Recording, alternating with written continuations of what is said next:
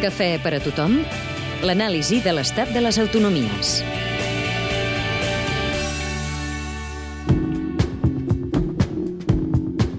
Madrid. Capital. Madrid, Població. 6.484.680 habitants. Governa. Partit Popular amb majoria absoluta. PIB per habitant. 29.731 euros, el tercer més alt de l'Estat. Índex d'atur. 18,65, per sota de la mitjana espanyola. Principal motor econòmic. Sector serveis suposa el 80% del PIB. Dèficit. 2,2%. Endeutament. 16.572 milions d'euros, el 8,7% del PIB. Pla d'ajustament. 1.050 milions d'euros. Buenos días, ¿me pone un café, por favor? ¿Cuánto es?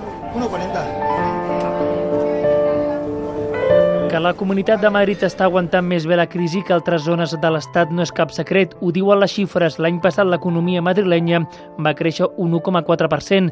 L'atur està 6 punts per sota de la mitjana estatal. Gairebé una de cada quatre empreses que es creen a Espanya s'estableix a Madrid. Alfonso Utrilla, doctor en Ciències Econòmiques i Empresarials, Universitat Complutense. La estructura del mercado de trabajo es un poco particular, el peso del funcionariado de las distintas administraciones es más importante, el peso de, de directivos de, de empresas nacionales también.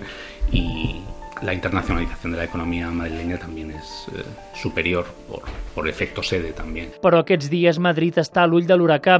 El dèficit s'ha duplicat. El govern d'Esperanza Aguirre ha modificat els pressupostos d'aquest any, un pla d'ajustament de més de 1.000 milions d'euros, amb la pujada de 65 taxes i l'anunci de peatges a carreteres autonòmiques. Per a molts, Madrid ha deixat de ser l'alumne modèlic.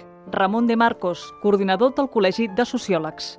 En el caso de Madrid, la presidenta siempre estaba muy orgullosa de que tenía todo el tema controlado, no había déficit, etcétera. Y de pronto, con las facturas de los cajones más la falta de ingresos, se ha encontrado que tienen que en este momento estaban haciendo otro presupuesto. ¿Y qué significa eso? Que vienen otra tasa de nuevos recortes. I un dels sectors que més s'ha revelat contra la tisorada ha estat l'educatiu, l'anomenada marea verda de professors i alumnes que ha deixat sentir la seva veu al carrer. Toil Delgado, secretari del Sindicat d'Estudiants. El enfado en Madrid está al nivel o un poco por encima del que puede haber a nivel estatal. Al fin y al cabo, aquí eh, los recortes que ha aprobado el gobierno del Partido Popular ya se han hecho. Aquí se han despedido a inicio de curso a 3.200, entre 3.200 y 3.500 profesores. Amb tot, el govern autonòmic treu pit, en plena competició amb Catalunya per Eurovegas, apela al model liberal com a recepta per sortir de la crisi. Percival Manglano, conseller d'Economia de Madrid.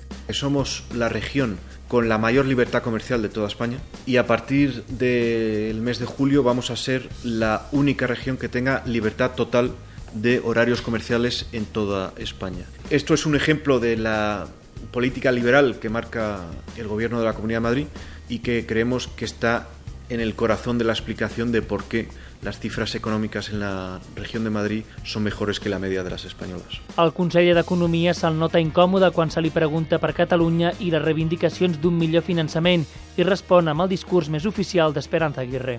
La Comunidad de Madrid se siente orgullosa de contribuir al bienestar de todos los españoles. Creemos que es una seña de identidad de la Comunidad de Madrid el efectivamente por tener una renta más alta que la media española el aportar más de lo que recibimos somos madrileños, somos españoles y no, no tenemos ningún tipo de problema en aportar más de lo que recibimos.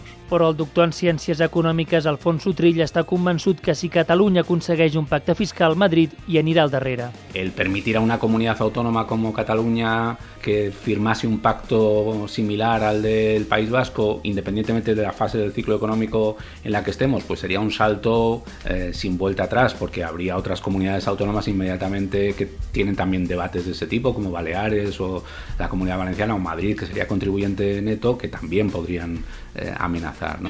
Cafè per a tothom, l'anàlisi de l'estat de les autonomies. Una sèrie de reportatges dels serveis informatius de Catalunya Ràdio.